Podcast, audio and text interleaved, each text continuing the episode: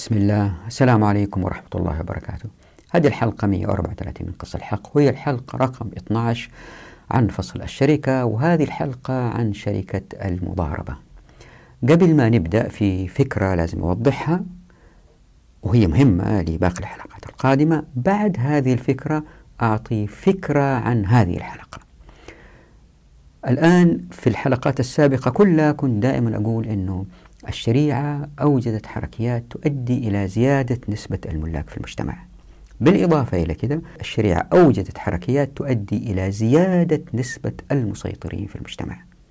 إيش الفرق بين نسبة الملاك ونسبة المسيطرين؟ الآن يمكن الطفل يملك دكان لكن ما له الحق في السيطرة على هذا الدكان؟ لأن الوصي هو الذي يسيطر على هذا الدكان.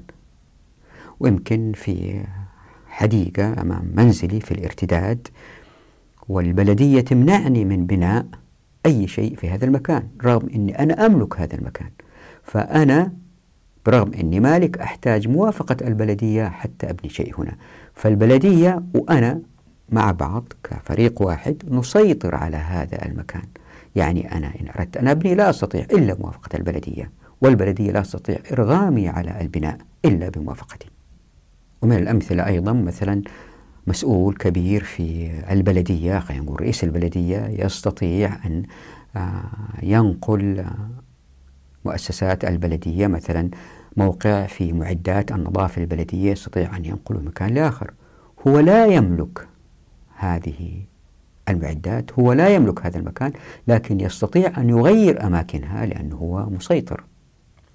فعندنا شيئين في المجتمع زيادة نسبة الملاك وزيادة نسبة المسيطرين. وكل ما ارتفعوا الاثنين كل ما أدى هذا إلى مجتمع صحي أفضل بكثير من مجتمع نسبة المسيطرين فيه أقل. مثلا انظروا إلى المجتمع الاشتراكي أيام الاتحاد السوفيتي مثلا. كل مشاريع الإسكان اللي فيه الناس ما يسيطرون من بداية البناء هم يبنوا بدأوا البناء صمموا كل هذه الخطوات في يد المؤسسة المسؤولة عن الإسكان. حتى الدولاب اللي هو داخل الشقة لا يستطيع الشخص الذي يسكن في الشقة أن يحركه فهو ما له سيطرة على هذا الدولاب. هنا أرجو أنكم تلاحظوا مسألتين في فرق بين السيطرة والهيمنة. وفي العادة أعطي كورس كامل لطلاب الماجستير حتى يادوب يفهموا العلاقة بين السيطرة والهيمنة والتنمية في العمران.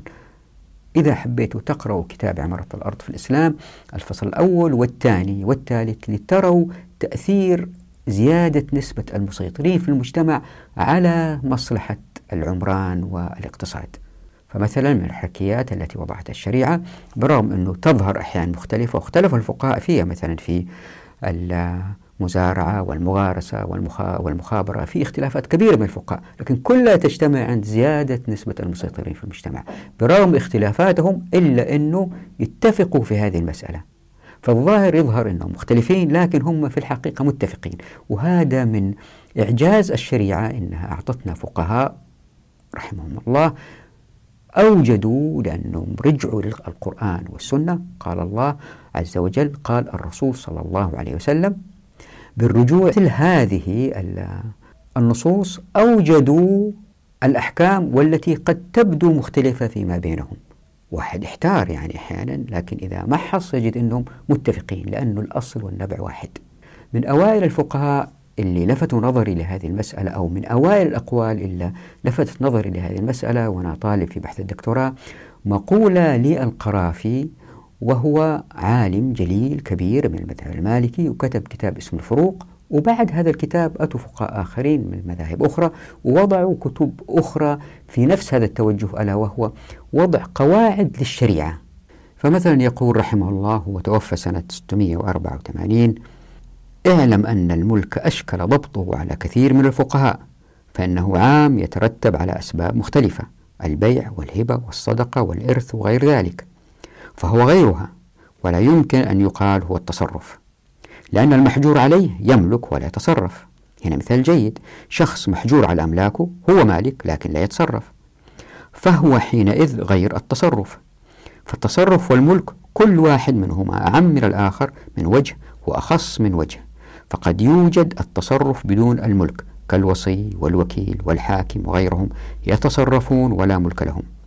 ويوجد الملك بدون التصرف كالصبيان والمجانين وغيرهم يملكون ولا يتصرفون. هذا في السابق عندما كانت البيئة سهلة. الآن مع التعقيد الموجود كثير من الناس رأوا أن الشريعة يمكن ما تشتغل هذه الأيام. لكن كتاب عمارة الأرض يوضح بوضوح أن الشريعة أصلح للآن مما كانت عليه أيام السلف رضوان الله عليهم. وهذا إعجاز. يا ريتكم تقرأوا كتاب عمرة الأرض في الإسلام الفصل الأول والثاني والثالث عشان تشوفوا الفرق بين الملكية أو حق الملكية وحق التصرف. فحق التصرف هي علاقة بين أفراد مقصود يعني شخص أو مؤسسة أو شركة أو دولة ناس يعني بين أفراد وأعيان. الأعيان اللي هي سرير كرسي طائرة قميص كاميرا. بينما في علاقة أخرى وضحتها في كتاب عمرة الأرض وتحدثت عنها سريعا في الحلقة الماضية هي الهيمنة. الهيمنة هي علاقة بين أفراد بس يعني شخص تهيمن عليه البلدية أو مدير مدرسة يهيمن عليه الوزير وما إلى ذلك. فهم هذا الفرق مهم جدا حتى نفهم إعجاز الشريعة في الأحكام.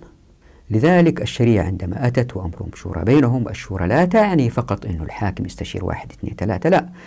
الشورى تعني أن الشريعة وضعت حركيات إن طبقناها واللي قالوا عليها الآن المخططين المعاصرين والمعماريين المعاصرين والاقتصاديين المعاصرين وعلماء التانية المعاصرين والاجتماع المعاصرين. لا لا هذه ما تصلح الأئمة هذه لا. إذا نظرنا إليها نجد أن هذه الأحكام تدفع المجتمع المشورة أكثر وأكثر وذلك بزيادة عدد المسيطرين. مثلا يمكن آه، قرار آه، فتح شخص لدكان في غرفة في منزله يحولها إلى دكان هذا تضر الجيران الآخرين. الآن القرار في يد رئيس البلدية شخص واحد. في الشريعة لا. في حسب مبدأ لا ضرر ولا ضرار في حركيات ومراحل وضعتها الشريعة حتى يسمح لهذا الشخص بفتح الدكان أو لا. لأنه في مسألة الضرر وهذه يحكم عليها الجيران المحتسبة شغلة طويلة موجودة في كتاب عمارة الأرض تؤدي إلى أنه عدد الناس اللي شاركوا في اتخاذ القرار أكثر بكثير من أنه واحد شخص اتخذ القرار ليه؟ لأنه هؤلاء الأشخاص لأنهم عايشين في الواقع وعايشين التجربة وبعضهم يستفيد من الدكان وبعضهم يتضرر يصير بينهم حوار وأخذ وعطاء هذا الحوار والكلام يؤدي إلى فتح آفاق جديدة في التفكير يؤدي إلى إيجاد حلول جديدة يؤدي إلى صدور أعراف في المجتمع الكل فاهمها والكل عارفها والكل يشارك في تنمية المجتمع. وليس شخص واحد يمكن الواحد يرشيه عشان يفتح الدكان أو يسكر الدكان. لتوضيح مسألة السيطرة هذه خليني أعطي بعض الأمثلة. خلينا نقول في أرض زراعية رجل عمل عليها أحياها أتقنها بعد كده توفى وجاء الولد وما يعرف كثير في مسائل الزراعة. ومو قادر يحصل على نفس المحصول. أراد أن يحضر شخص آخر عنده خبرة في هذه المسألة ويدخله معه كشريك في الغلة. اللي بيصير أنه مالك الأرض الولد يريد الأرض أن تبقى في وضع جيد دون أن تستنهك. يعني تربتها ما تخرب مثلا بزراعة قصب السكر. يريد أن يحافظ على الأرض. وبالتالي الربح يقل. إذا جاب واحد شريك الشريك يريد ربح أعلى وما تهمه حالة الأرض على المدى الطويل. فهم مختلفين الآن في الأهداف. لكن هذه الأرض لن تكون مفيدة للمسلمين إن كانت غلتها أقل مما هي ممكن تعطيه من غير ما تتضرر. وفي نفس الوقت هي خسارة على المسلمين إذا كانت استنهكت. أين الاتزان بين الهدفين المختلفين لهذين الشخصين؟ هنا تأتي أهمية المشورة لأن هذا الشخص الذي دخل على هذه الأرض حتى يزداد الربح هو شخص مسيطر جديد. يعني هذه الأرض اللي كان يسيطر عليها شخص واحد أصبح الآن اللي يسيطر عليها شخصين ويبدأ الحوار بينهم. ولأنه في أعراف في المجتمع أنه الأرض تستنهك في هذه الحالة أو تلك الحالة إلا بيصير أنه يصلوا من خلال هذه الأعراف إلى اتفاق يرضي الطرفين من دون ما يضر الأرض وهذا في مصلحة المسلمين. هذه أرض كبيرة. خلينا نأخذ الآن مثال لشيء صغير. يعني الأرض عين كبيرة. الآن نأخذ مثال لعين صغيرة. خلينا نقول في أب آه، عنده تلفزيون في غرفة المعيشة ومع الزمن آه، سمعه ضعف وما يحب يستخدم السماعات وهو من الجيل القديم اللي ما يعرف يستخدم الجوالات ولا الآيبادات. فيريد وضع التلفزيون في مكان يقدر يسمع منه الصوت بوضع أفضل لأنه اشترى كرسي كبير مريح يرجع على وراء والكرسي هذا ما له إلا مكان واحد في الغرفة. فيريد تحريك التلفزيون إلى مكان في حائط يمكن صوت التلفزيون إذا رفعوا الأب لأنه سمعه ضعيف يضر البنت أو الابن في الغرفة. الآن من يسيطر على هذا التلفزيون؟ الأب لوحده واتخذ القرار أو الأسرة جميعا الأم والأب والأولاد والبنات أو الأم والأب فقط. في كل حالة توجد مترتبات مختلفة. الآن أنا جبت هذا المثال وهم طبعا أسرة واحدة ويحبوا بعض في الغالب وفي نوع من التنازل الكبير. لكن تخيلوا أنه هذا التلفزيون خلينا نقول مثلا ملعب كرة قدم في حارة والناس أحيوا هذه الأراضي اللي حولها كلها وقرروا هذه المنطقة تصير ملعب كرة قدم. واحد جار ما يبغى صياح الأطفال والأولاد هم يلعبوا ويبغوا يبغى الملعب يروح مكان ثاني فنفس هذه الفكرة اللي ذكرتها للتلفزيون تنطبق على أشياء أخرى. فكل ما زاد عدد الأفراد اللي اتخذوا القرار وليس مسؤول البلدية اللي جالس بعيد لأنه هو ما هو خبير بموقع زي الناس اللي ساكنين في الموقع ويمكن يتضرروا بعضهم من الموقع وبعضهم يستفيدوا من هذا التغيير ملعب كرة القدم أو إنشاء ملعب كرة قدم أو إنشاء مسبح مثلا. فاللي بيصير أنه حوار مستمر بين الأفراد كل ما زاد عدد المشاركين في اتخاذ القرار. يعني كل ما زاد عدد المسيطرين.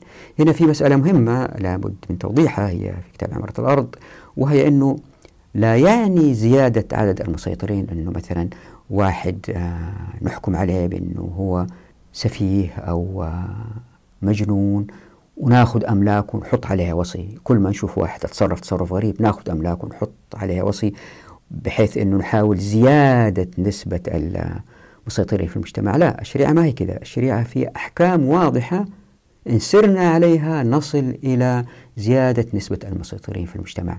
فالوضع الأمثل هو أنه الملاك يكونوا مسيطرين.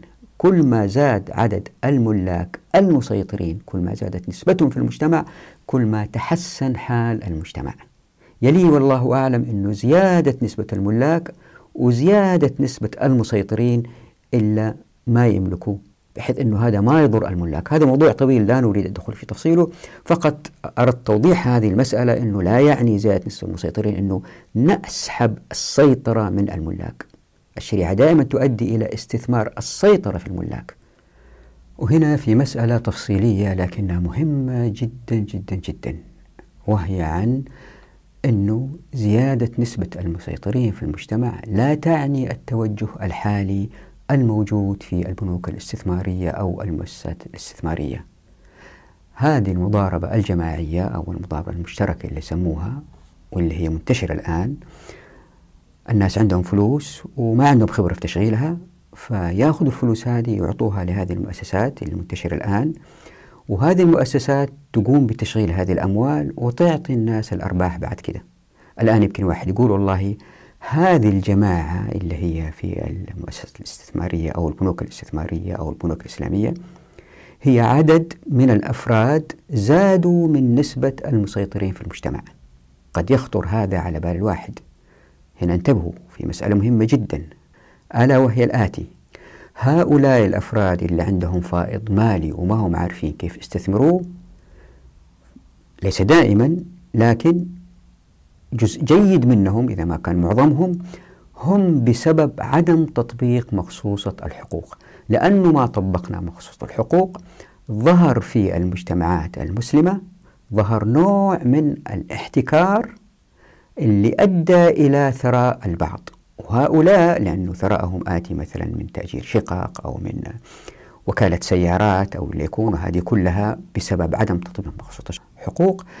هؤلاء يريدوا الاستثمار في مجالات أخرى يريدوا أن يطمئنوا أكثر لأنه بتوزيع الاستثمار في سلات مختلفة يشعروا بنوع من الاطمئنان يضعوا بعض أموالهم في هذه البنوك أو المؤسسات الاستثمارية. هناك أفراد آخرين ليسوا أثرياء جدا لكن يا يمكن واحد باع أرض وهو ما يعرف يستثمر الأموال هذه وخايف تأكل الزكاة فيضعها في هذه المؤسسات. الآن أوضح لماذا هذه المؤسسات لا تزيد نسبة المسيطرين في المجتمع بل تؤدي للعكس. خلينا أول أشرح هذه المؤسسات اللي هي مضاربة جماعية أو مضاربة مشتركة كيف تشتغل وكيف بعض الفقهاء أعطوها نوع من الجواز قياسا بالمضاربة الفردية اللي راح نشرحها في هذه الحلقة. كان توجه الفقهاء أن المضاربة الجماعية هذه لها ثلاثة صور. الصورة الأولى أنه يكون رب المال واحد والعامل متعدد يعني أنا عندي مال كثير وأريد شخص يعاونني في استثمار هذا المال. وهذا الشخص اللي أجيبه لأنه ما عنده الخبرة الكافية يستعين بآخرين من الخبراء وهؤلاء الخبراء مع بعض كلهم وكأنهم جهة واحدة تضارب بالمال اللي أنا أعطيتهم إياه. وبكذا يكون لهم نصيب مشاع من الربح يتقاسمون فيما بينهم. الصورة الثانية واللي هي المنتشرة أنه يكون المضارب جهة واحدة زي بنك استثماري أو بنك إسلامي ويكونوا أرباب الأموال ناس كثيرين. كل واحد يحط مبلغ معين واحد يحط عشر ألاف واحد مئة ألف واحد مليون. هذه الجهة المضاربة تجمع هذه الأموال وتعطيها لناس آخرين يشتغلوا فيها وتأخذ منهم الأرباح وتقسمها على أصحاب الأموال بعد ما هي تغطي نفقاتها أو تأخذ أرباحها. في هذه الأحوال إذا وقعت خسارة كانت على أصحاب الأموال اللي أودعوها للاستثمار. فاللي بيصير أنه هذه المؤسسات اللي بتضارب تقوم بخلط هذه الأموال مع بعض ويمكن تخلطها بأموالها هي أيضا وتستثمرها تعطي مثلا شخص يريد فتح منجرة شخص آخر يريد فتح محل حدادة يدخل معاه هذا البنك أو هذه المؤسسة كشريك طبعا بعد دراسة حالته بعد دراسة إمكانياته بعد التأكد من أن الربح شبه أكيد. ثم في نهاية كل سنة مالية هذه المؤسسة تحسب أموالها وتوزع الأرباح وفي طريقة معينة لتوزيع هذه الأرباح. يعني شخص وضع مال لمدة شهر شخص استثمر لمدة سنة شخص استثمر ألف شخص استثمر مئة ألف. وما في داعي ندخل في هذه التفاصيل. وزي ما هو معروف الفقهاء المعاصرين اختلفوا في هذه المضاربة الجماعية والمشتركة. فأكثر المعاصرين اتجهوا إلى أن المضاربة المشتركة تجوز لأن أرباب الأموال يقوموا مقام رب المال في المضاربة الفردية. والمؤسسة المستثمرة تقوم مقام العامل المضارب. وفي فقهاء آخرين اتجهوا إلى أن المستثمرين للأموال هم شركاء للمؤسسة المستثمرة والعقد بينهم عقد شركة أموال وليس عقد مضاربة. يعني المؤسسة بتضيف أموال المستثمرين لأصولها وتخلطها معاهم وتتاجر بالجميع وتقسم الربح بينهم. وفي من الفقهاء من ذهب إلى أن العلاقة بين أصحاب الأموال والمؤسسة المستثمرة هي علاقة إجارة. يعني أرباب الأموال هم المستأجرين والمؤسسة اللي بتستثمر الأموال هي أجير مشترك بيدير أملاك هؤلاء مقابل ما يأخذوه من ربح. الآن خليني أوضح هذه المسألة. لماذا إعطاء هذه المؤسسات أو البنوك الاستثمارية الأموال لاستثمارها؟ هي مسألة فيها إن في الشريعة. ليش؟ طبعا أنا ماني فقيه ولا أستطيع أن أقول هذا لا يجوز. هذا ليس من حقي لأني لست مجتهد. الاجتهاد له رجاله الواضح أنه في الشراكة اللي أقروها فقهاء السلف اللي هي شركة فردية بين واحد وثاني أو واحد وجماعة أو جماعة وجماعة ما تفرق. أحيانا يقولوا مال واحد وبدنين أحيانا يقولوا مالين وبدن ولا مئة بدن ومال واحد. هذه العلاقة مباشرة. ما في واحد ثالث جالس في النص. انتبهوا علاقة مباشرة. ما في واحد جالس في النص.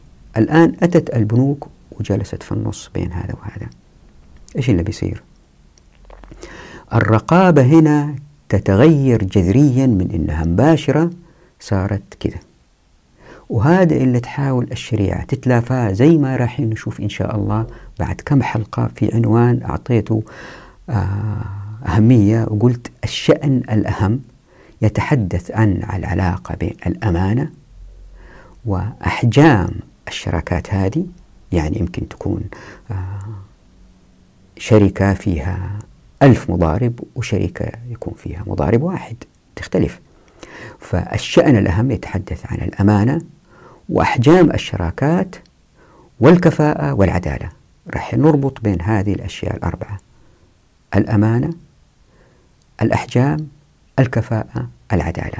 هذه المؤسسات الاستثمارية تؤدي إلى تقليل نسبة المسيطرين في المجتمع. كيف؟ خلينا نقول في مية مستثمر وضعوا أموالهم في هذه المؤسسة الاستثمارية. علاقة هؤلاء المية مع الناس اللي بيأخذوا هذه الأموال ويشغلوها بتنقطع. فإن طبقنا الشريعة والعلاقة كانت من غير وجود هذه المؤسسات اللي بيصير أنه راح يكون في 200 مسيطر. المئة المستثمرين مع المئة اللي يأخذوا هذه الأموال. فهؤلاء المئة كل واحد بيعمل مع واحد تاني كشريك مضارب. فعندنا 200 مسيطر. عندما تأتي هذه المؤسسات وتجمع هذه الأموال وهي تتصرف فيها يصير عندنا 100 شريك مضارب ومؤسسة واحدة يعني في 100 واحد. وهذه المؤسسة بالتأكيد داخلها موظفين بيشتغلوا لاتخاذ القرار لدراسة الجدوى الاقتصادية. بالتأكيد عددهم أقل من المستثمرين المئة الأصليين وبالتأكيد حرصهم أقل من هؤلاء المئة. وبكده هذه المؤسسات الاستثمارية تخفف نسبة المسيطرين في المجتمع. خلينا نوضح. زي ما قلت مرارا وتكرارا أنه تطبيق مقصوصة الحقوق تؤدي مع الزمن إلى سمو المجتمع أخلاقيا في قيمه في أمانته في كل شيء. وعدم تطبيق مقصوصة الحقوق يؤدي إلى انحدار المجتمع. الآن هذا الموظف الذي هو في هذه المؤسسة في احتمالين. أما يكون هو مشارك في الربح لأن هذه المؤسسات اللي تستثمر عندها موظفين. هؤلاء الموظفين يساعدوا في اتخاذ القرار. طبعا القرار المهم إذا كان المال كبير هو في يد السلطة الأعلى في هذه المؤسسة. ولأن الأموال قد تكون كثيرة وما يقدر يركز على هذه المضاربة يعني يأخذ مثلا 100 مليون من جهة أو 5 مليون من جهة ويعطيها لهذه الجهة. يحتاج تركيز حتى يعرف أن هذه الجهة تربح أو لا. لأن الأموال كثيرة ولأنه هو واحد لا يستطيع اتخاذ القرار السليم. إلا إذا ركز على هذه وترك الآخرين يعني ركز على هذه المضاربة وترك الآخرين. لكن إن كان حاول يركز عليها كلها تركيزه يخف. على فرض أنه كان أمين على فرض أنه كان أمين. في الحالة هذه يستعين بأفراد آخرين يعينوه على اتخاذ القرار لأنه هو لا يرى كل شيء. يحتاج آخرين يروا معه هل المؤسسات هذه قادرة على الربح أو لا؟ فيكتر عدد الأفراد اللي بيتخذوا القرار معه هو في النهاية قرار واحد. المسيطر هو واحد. ليه؟ لأنه الشخص بيتخذ القرار.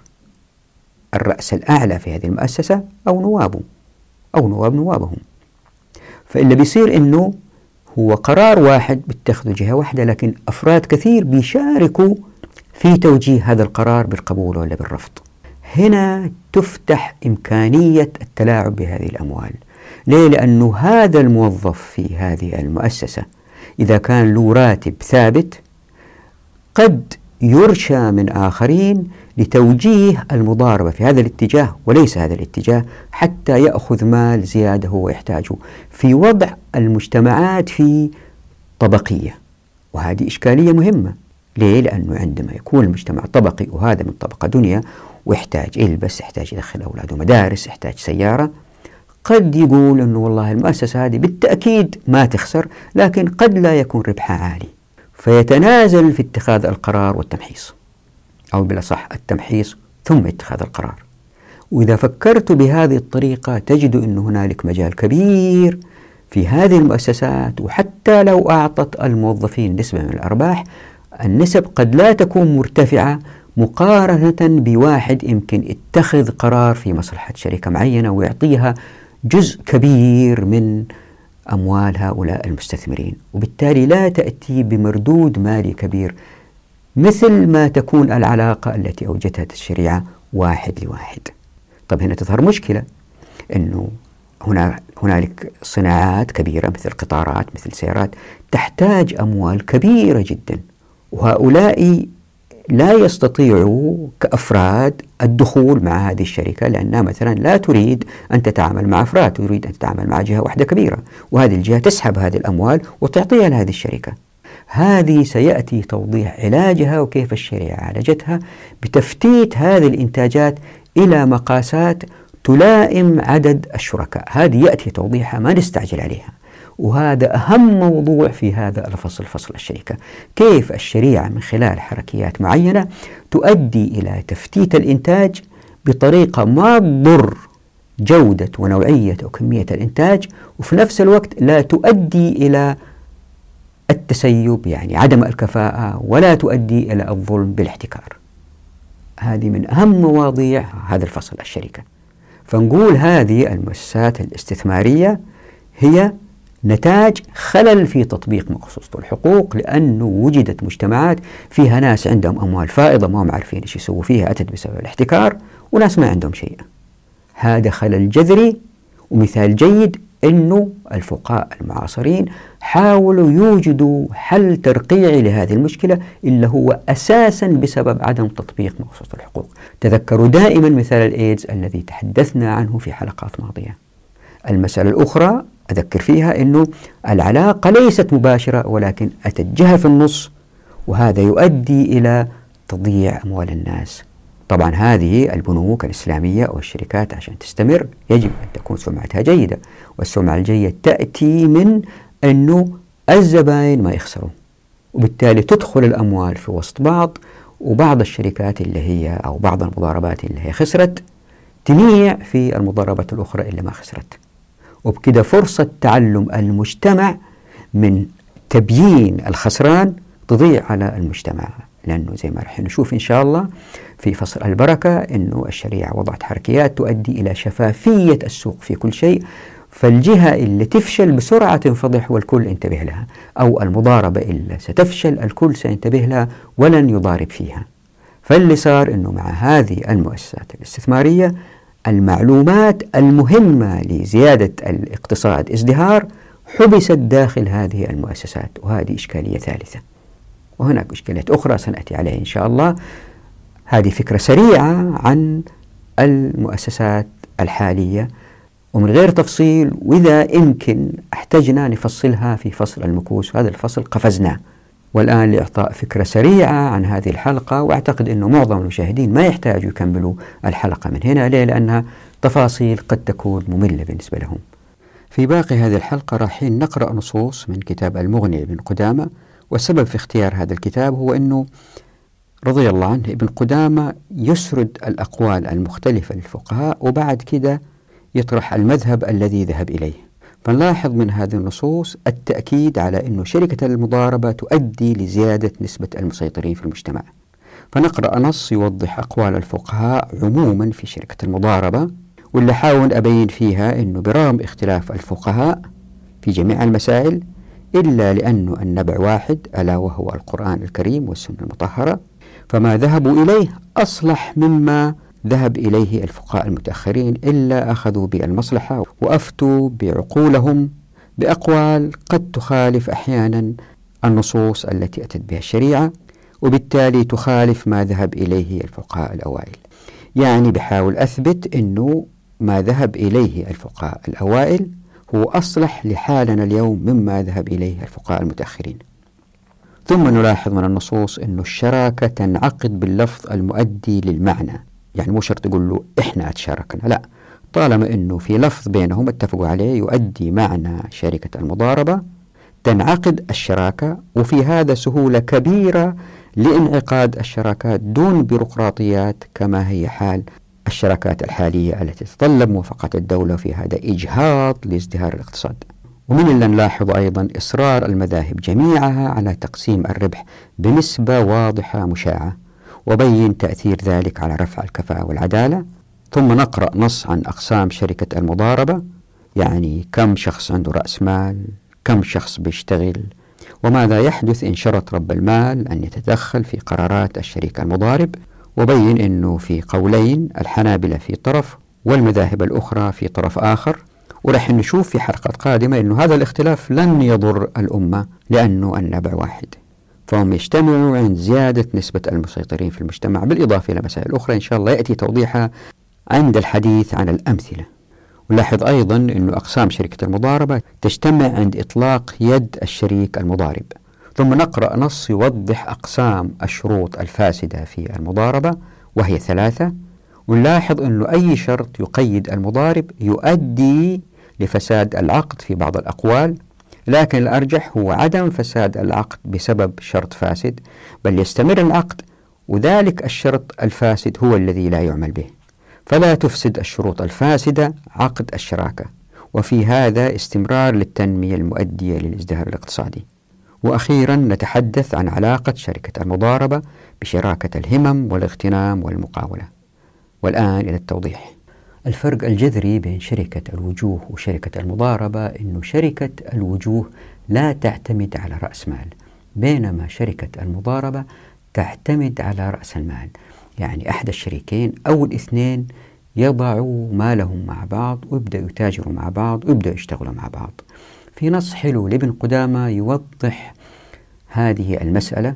فيقول ابن قدامة رحمه الله في كتاب المغني وهذه المضاربة وتسمى قراضا أيضا ومعناها أن يدفع رجل ماله إلى آخر يتجر له فيه على أن ما حصل من الربح بينهما حسب ما يشترطانه فأهل العراق يسمونه مضاربة مأخوذ من الضرب في الأرض وهو السفر فيها للتجارة. قال تعالى وآخرون يضربون في الأرض يبتغون من فضل الله. ويحتمل أن يكون من ضرب كل واحد منهما في الربح بسهم ويسميه أهل الحجاز القراط. فقيل هو مشتق من القطع. يقال قرض الفأر الثوب إذا قطعه. فكأن صاحب المال أقتطع من ماله قطعة وسلمها إلى العامل واقتطع له قطعة من الربح. وقيل اشتقاقه من المساواة والموازنة. يقال تقارض الشاعران إذا وازن كل واحد منهما الآخر بشعره. وهنا من العامل العمل ومن الآخر المال فتوازنا وأجمع أهل العلم على جواز المضاربة في الجملة. ذكره ابن المنذر وروي عن حميد بن عبد الله عن أبيه عن جده أن عمر بن الخطاب أعطاه مال يتيم مضاربة يعمل به في العراق. وروى مالك عن زيد بن أسلم عن أبيه أن عبد الله وعبيد الله ابني عمر بن الخطاب رضي الله عنهم خرجا في جيش إلى العراق. فتسلفا من أبي موسى مالا وابتاعا متاعا وقدما به إلى المدينة فباعاه وربحا فيه فأراد عمر أخذ رأس المال والربح كله. فقال لو تلف كان ضمانه علينا فلم لا يكون ربحه لنا؟ فقال رجل يا أمير المؤمنين لو جعلته قراضا قال قد جعلته وأخذا منهما نصف الربح وهذا يدل على جواز القراض. وعن مالك عن العلاء بن عبد الرحمن عن أبيه عن جده أن عثمان قارضه. وعن قدادة عن الحسن أن عليا قال إذا خالف المضارب فلا ضمان هما على ما شرطا. وعن ابن مسعود وحكيم بن حزام أنهما قارضا ولا مخالف لهم في الصحابة فحصل إجماعا. ولأن بالناس حاجة إلى المضاربة فإن الدراهم والدنانير لا تنمى إلا بالتقلب والتجارة. وليس كل من يملكها يحسن التجارة ولا كل من يحسن التجارة له رأس مال فاحتيج إليها من الجانبين. لاحظوا هنا ابن قدامة بيوضح بوضوح أنه في ناس عندهم أموال وما يعرفوا يتصرفوا. إذا شاركوهم ناس ويحسنوا التصرف يعني بنزيد نسبة المسيطرين في البيئة. بدل ما كان واحد يتصرف في مال الآن اثنين بيتصرفوا في المال. فشرعها الله تعالى لدفع الحاجتين. فإذا ثبت هذا فإنها تنعقد بلفظ المضاربة والقراض لأنهما لفظان موضوعان لها أو بما يؤدي معناها لأن المقصود المعنى فجاز بما دل عليه كلفظ التمليك في البيع. ويقول في موقع آخر وحكمها حكم شركة العنان في أن كل ما جاز للشريك عمله جاز للمضارب عمله. شركة العنان إن شاء الله نأتي عليها. وما منع منه الشريك منع منه المضارب. وما اختلف فيه ثم. فها هنا مثله. وما جاز أن يكون رأس مال الشركة جاز أن يكون رأس مال المضاربة. وما لا يجوز ثم لا يجوز ها هنا. يمكن لاحظتوا في هذا النص السابق أنه ابن قدامة رضي الله عنه بعد ما عرف الشراكة بالمضاربة وبعد ما أثبت أنها جائزة شرعا بين بعض تفاصيلها. ومن أهم هذه المسألة اللي تهمنا الآن هي أنه هي شراكة تنعقد باللفظ. تذكروا في حلقات ماضية قلنا إن المجتمع المسلم في كثير من آه، معاملاته يعتمد على الشفاهة. يعني ما في بيروقراطيات ما في أوراق وأخذنا مثال الطلاق كمثال مثلا. فجميع هذه الأعمال التي تعتمد على الشراكة على المشافهة تعني أن المجتمع لا يحتاج إلى بيروقراطيات وهذا شيء مهم لأنه أول ما نقول أنه الشراكة تتطلب موافقة الدولة معناته هنا في جهة واحدة بتسيطر على الناس اللي يمكن يكونوا متحركين بحرية. يعني جهة واحدة تقول لهم إيش يسووا؟ هؤلاء الناس إذا يتحركوا بحرية من غير هذه الجهة إلا بيصير أنه يتفاعلوا أكثر وينسحبوا للأشياء اللي يتقنوها أكثر وينسحبوا للأشياء اللي يحبوها أكثر.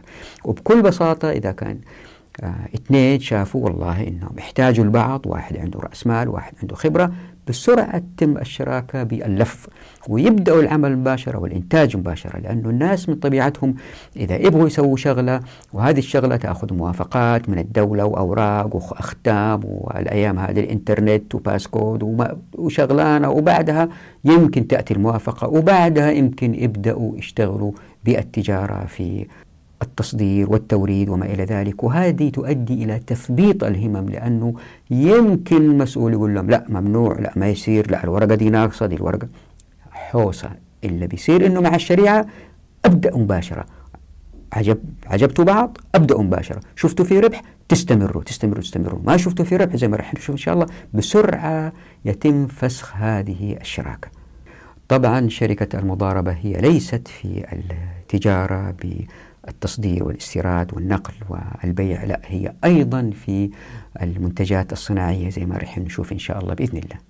ويمكن أيضا لاحظتوا في الحلقة الماضية أنه جميع المذاهب جميع المذاهب تصر على أنه في أي شراكة الربح لا يقسم بعدد معين ولكن يقسم بنسبة مشاعة يعني الشريك له الربع أو النصف أو الثلث وليس ألف أو ألفين دينار. وهذا يؤدي إلى رفع الكفاءة. ليه؟ لأنه الشخص إلا له ربح ثابت بعدد ألف ألفين دينار سواء اهتم واشتغل زيادة أو اشتغل أقل هو بيأخذ حقه وكأنه أجير. الشريعة تحارب هذا الشيء وتصر على أنه يأخذ نسبة محددة حتى يجتهد ويشتغل أكثر حتى الشركة تزداد قوة مع الزمن. فمثلا لنقرأ هذا النص من المذهب الحنبلي كمثال يعني ولكن كل المذاهب تشترك في هذه المسألة. ولا يجوز أن يجعل لأحد من الشركاء فضل دراهم وجملته أنه متى ما جعل نصيب أحد الشركاء دراهم معلومة أو جعل مع نصيبه دراهم مثل أن يشترط لنفسه جزءا وعشرة دراهم بطلت الشركة. يعني يقول مثلا أنا لي ثلث الربح زائد عشرين درهم. شوفوا بطلت الشركة. مو زي الأنظمة الحالية أنه أي شيء اتفق عليه الشريكين يمضي لا. تذكروا سابقا كنت أقول أنه في قنوات وضعتها الشريعة يسيروا عليها الناس ويصلوا إلى مجتمع عزيز. هذا من القنوات. قال ابن المنذر أجمع كل من نحفظ عنه من أهل العلم على إبطال القراط إذا شرط أحدهما أو كلاهما لنفسه دراهم معلومة. وممن حفظنا ذلك عنه مالك والأوزاعي والشافعي وأبو ثور وأصحاب الرأي. والجواب فيما لو قال لك نصف الربح إلا عشرة دراهم أو نصف الربح وعشرة دراهم كالجواب فيما إذا اشترط دراهم مفردة. وإنما لم يصح ذلك لمعنيين. أحدهما أنه إذا شرط دراهم معلومة احتمل ألا يربح غيرها فيحصل على جميع الربح. واحتمل ألا يربحها فيأخذ من رأس المال جزءا يعني ما ربحه من فين يأتي هذا الذي اشترط عشر دراهم يأخذها من رأس المال وقد يربح كثيرا فيستضر من شرطت له الدراهم. والثاني أن حصة العامل ينبغي أن تكون معلومة بالأجزاء لما تعذر كونها معلومة بالقدر فإذا جعلت الأجزاء فسدت. كما لو جهل القدر فيما يشترط أن يكون معلوما به.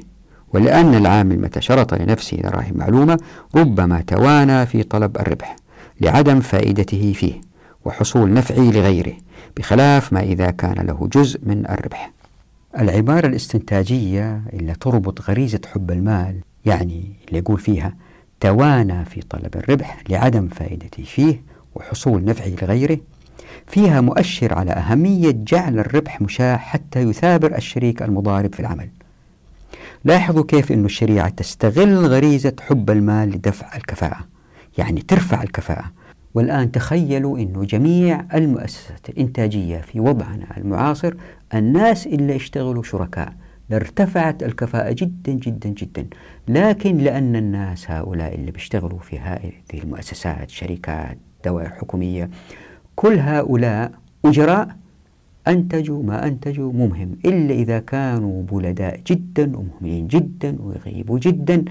عندها تتكون لجنة إذا كانت الدائرة هي دولة ويفكروا كيف يفصلوه أما إذا كان في شركة أيضا الفصل في نوع من الصعوبة. وإذا كان الرئيس عنده الصلاحيات المطلقة يفصل متى ما أراد. في تلك الحالة الموظفين تحت رعب شديد وتحت جلد شديد. ما يخليهم يستمتعوا بالعمل. ولهذه أضرار نفسية كبيرة تحدثنا عنها في حلقات القذف بالغيب. فشوفوا الإسلام كيف يدفع كل المجتمع إلى الإنتاج بالربح المشاع حتى الكل يثابر.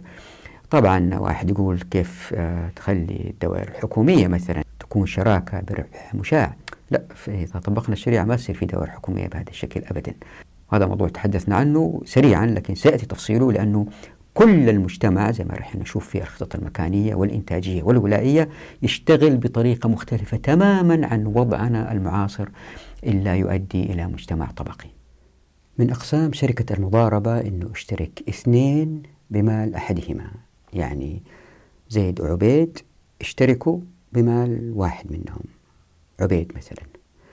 وبعد كده زيد يشتغل بالمال حتى ينميه.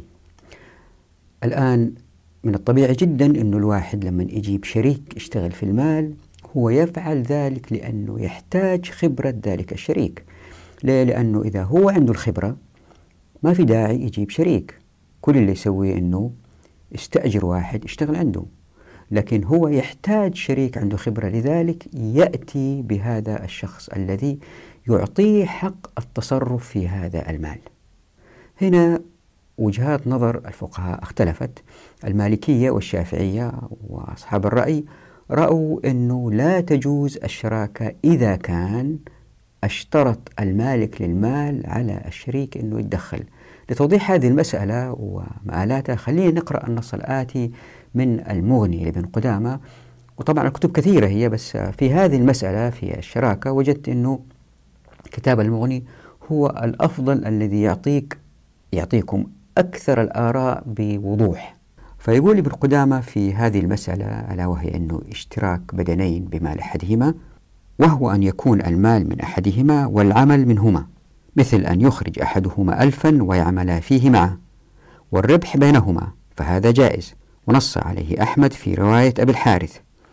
وتكون مضاربة لأن غير صاحب المال يستحق المشروط له من الربح بعمله في مال غيره. وهذا هو حقيقة المضاربة. وقال أبو عبد الله بن حامد والقاضي وأبو الخطاب إذا شرط أن يعمل معه رب المال لم يصح وهذا مذهب مالك والأوزاعي والشافعي وأصحاب الرأي وأبي ثور وابن المنذر. قال ولا تصح المضاربة حتى يسلم المال إلى العامل ويخلي بينه وبينه. شوفوا هنا حتى الشريك يقدر يتصرف وعنده سيطرة أعلى ما تصح المضاربة ألين يعطيه المال كله. يقول له يلا خد أشتغل. فإن أخذ الشريك المال وبدأ يشتغل عنده سيطرة أعلى. فبيوضح من قدام السبب بيقول لأن المضاربة تقتضي تسليم المال إلى المضارب. فإذا شرط عليه العمل فلم يسلمه لأن يده عليه فيخالف موضوعها.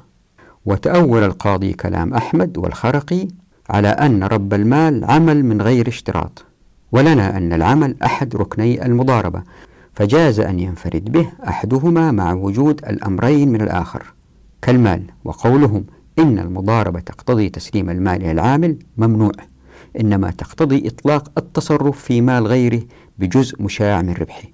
يعني ابن قدامة يرى شيء آخر أنه ليس بالضرورة تسليم كامل المال لكن إطلاق يده في التصرف. إنما تقتضي إطلاق التصرف في مال غيره بجزء مشاع من ربحه. وهذا حاصل مع اشتراكهما في العمل ولهذا لو دفع ماله إلى اثنين مضاربة صح. وفي تكمل هنا وضعتها تحت الحرف ح إذا حب أحد يقرأ. تلاحظوا هنا في النص أنه في أقوال مختلفة فالحنابلة أجازوا شرط عمل رب المال مع الشريك ولم يجزه الآخرون يعني الشافعية والمالكية وأهل الرأي.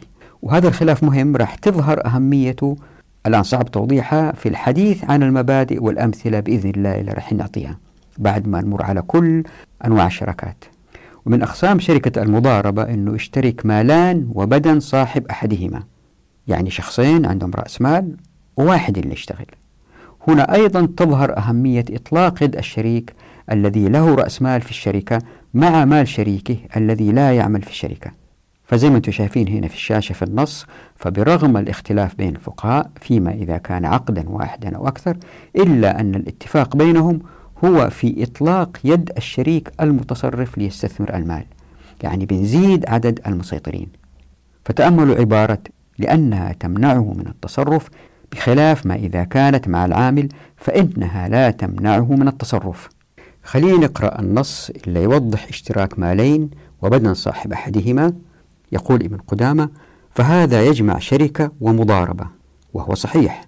فلو كان بين رجلين ثلاثة آلاف درهم لأحدهما ألف وللآخر ألفان فأذن صاحب الألفين لصاحب الألف أن يتصرف فيها على أن يكون الربح بينهما نصفين صح. ويكون لصاحب الألف ثلث الربح بحق ماله والباقي وهو ثلث الربح بينهما لصاحب الألفين ثلاثة أرباعه وللعامل ربعه. وذلك لأنه جعل له نصف الربح فجعلناه ستة أسهم منها ثلاثة للعامل حصة ماله سهمان وسهم يستحقه بعمله في مال شريكه وحصة مال شريكه أربعة أسهم للعامل سهم وهو الربع. فإن قيل فكيف تجوز المضاربة ورأس المال مشاع؟ قلنا إنما تمنع الإشاعة الجواز إذا كانت مع غير العامل لأنها تمنعه من التصرف بخلاف ما إذا كانت مع العامل فإنها لا تمنعه من التصرف فلا تمنع من صحة المضاربة. فإن شرط للعامل ثلث الربح فقط فمال صاحبه بضاعة في يده وليست بمضاربة لأن المضاربة إنما تحصل إذا كان الربح بينهما. فأما إذا قال ربح مالك لك وربح مالي لي فقبل الآخر كان إبضاعا لا غير. وبهذا كله قال الشافعي وقال مالك لا يجوز أن يضم إلى القراط شركة. كما لا يجوز أن يضم إليه عقد إجارة ولنا أنهما لم يجعلا أحد العقدين شرطا للآخر فلم نمنع من جمعهما كما لو كان المال متميزا. شوفوا لاحظوا في هذا النص كيف الشريعة معجزة برغم اختلاف الفقهاء رحمه الله. فاللي بتسويه شركة المضاربة هو إنها بتدفع المال حتى يستثمر الإنسان حتى لا تأكل الزكاة وإذا لم يستطع هو الاستثمار بنفسه سيبحث عن آخرين. وفي هذه الحالة وحتى يهتم الشريك اجتهادات الفقهاء تضع الشريك الذي لا مال له وكأنه مالك وله مطلق التصرف كما هو واضح في الاقتباس اللي هنا في الشاشة. فمثلا لا ضمان على المضارب إن تلف المال ما لم يتعدى ولو اشترط ذلك رب المال لأن شرط الضمان في القراط باطل. هذه إن شاء الله مسألة مهمة يأتي توضيحها. عندما نمر على الأمثلة. وبهذا الشرط أي بهذه الحرية في التصرف يزداد الشريك المعدم يعني الشريك المضارب ثقة وهمة. لكن المهم هنا هو لتمكين الأمة أن نسبة الأفراد المسيطرين في المجتمع الاقتصادي ستزداد لأن الشريك الذي لا مال له أصبح فردا مسيطرا. يعني شتان بين مجتمعين أحدهما أكثر من الآخر في نسبة الأفراد المسيطرين. فقط للتذكير زي ما تحدثت قارنوا الدول الاشتراكية بالدول الرأسمالية. عدد المسيطرين نسبيا في الدول الاشتراكية أقل بكثير فيقل بذلك اهتمام الناس بالإنتاج وبالعمران ويقل حماسهم وإبداعهم. ناهيكم عن أنه زيادة نسبة المسيطرين في المجتمع تؤدي إلى توزيع أعدل للثروات وإلى رفع الكفاءة. وهذه مسألة تحدثنا عنها مرارا. قلنا الميزانين اللي احتار فيهم العقل البشري القاصر اللي هو الميزان بين الكفاءة والعدالة. هذه مسألة تحدثنا عنها باستفاضة في حلقات ماضية. هنا في هذه الشراكة شركة المضاربة بتزيد نسبة المسيطرين. الآن إذا كان في مجتمع في ناس مسيطرين وناس ما هم مسيطرين المسيطرين يقهروا غير المسيطرين ويظلموهم. لكن إن كان الكل مسيطر صعب جدا على المسيطر أنه يقهر مسيطر آخر. بالتالي ينتشر العدل في المجتمع. والآن لننظر لنص آخر لتروا كيف أن الشريعة ترفع نسبة المسيطرين في المجتمع بالتركيز على الشروط الفاسدة. يقول ابن قدامة في المغني والشروط الفاسدة تنقسم ثلاثة أقسام. أحدها ما ينافي مقتضى العقد مثل أن يشترط لزوم المضاربة أو لا يعزله مدة بعينها أو لا يبيع إلا برأس المال أو أقل أو لا يبيع ممن اشترى منه أو شرط أن لا يشتري أو لا يبيع أو أن يوليه ما يختار من السلع أو نحو ذلك. فهذه شروط فاسدة لأنها تفوت المقصود من المضاربة وهو الربح أو تمنع الفسخ الجائز بحكم الأصل. والقسم الثاني ما يعدو بجهالة الربح مثل أن يشترط للمضارب جزءا من الربح مجهولة أو ربح أحد الكسبين أو أحد الألفين أو أحد العبدين أو ربح إحدى السفرتين أو ما يربح في هذا الشهر أو أن حق أحدهما في عبد يشتريه أو يشترط لأحدهما دراهم معلومة بجميع حقه أو ببعضه أو يشترط جزءا من الربح لأجنبي. فهذه شروط فاسدة لأنها تفضي إلى جهل حق كل واحد منهما من الربح أو إلى فواته بالكلية. ومن شرط المضاربة كون الربح معلومة. والقسم الثالث اشتراط ما ليس من مصلحة العقد ولا مقتضاه. مثل أن يشترط على المضارب المضاربة ببعض السلع مثل أن يلبس الثوب ويستخدم العبد ويركب الدابة أو يشترط على المضارب ضمان المال أو سهما من الوضيعة أو أنه متى ما باع السلعة فهو أحق بها بالثمن أو شرط المضارب على رب المال شيئا من ذلك. فهذه كلها شروط فاسدة وقد ذكرنا كثيرا منها في غير هذا الموضع معللا. ومتى اشترط شرطا فاسدا يعود بجهالة الربح؟ فسدت المضاربة. لأن الفساد لمعنى في العوض المعقود عليه. فأفسد العقد. كما لو جعل رأس المال خمرا أو خنزيرا. ولأن الجهالة تمنع من التسليم فتفضي إلى التنازع والاختلاف. ولا يعلم ما يدفعه إلى المضارب. وما عدا ذلك من الشروط الفاسدة فالمنصوص عن أحمد في أظهر الروايتين عنه أن العقد صحيح.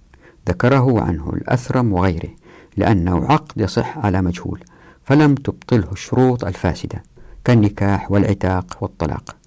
وذكر القاضي أبو الخطاب رواية أخرى أنها تفسد العقد لأنه شرط فاسد فأفسد العقد كشرط دراهم معلومة أو شرط أن يأخذ له بضاعة والحكم في الشركة كالمضاربة سواء.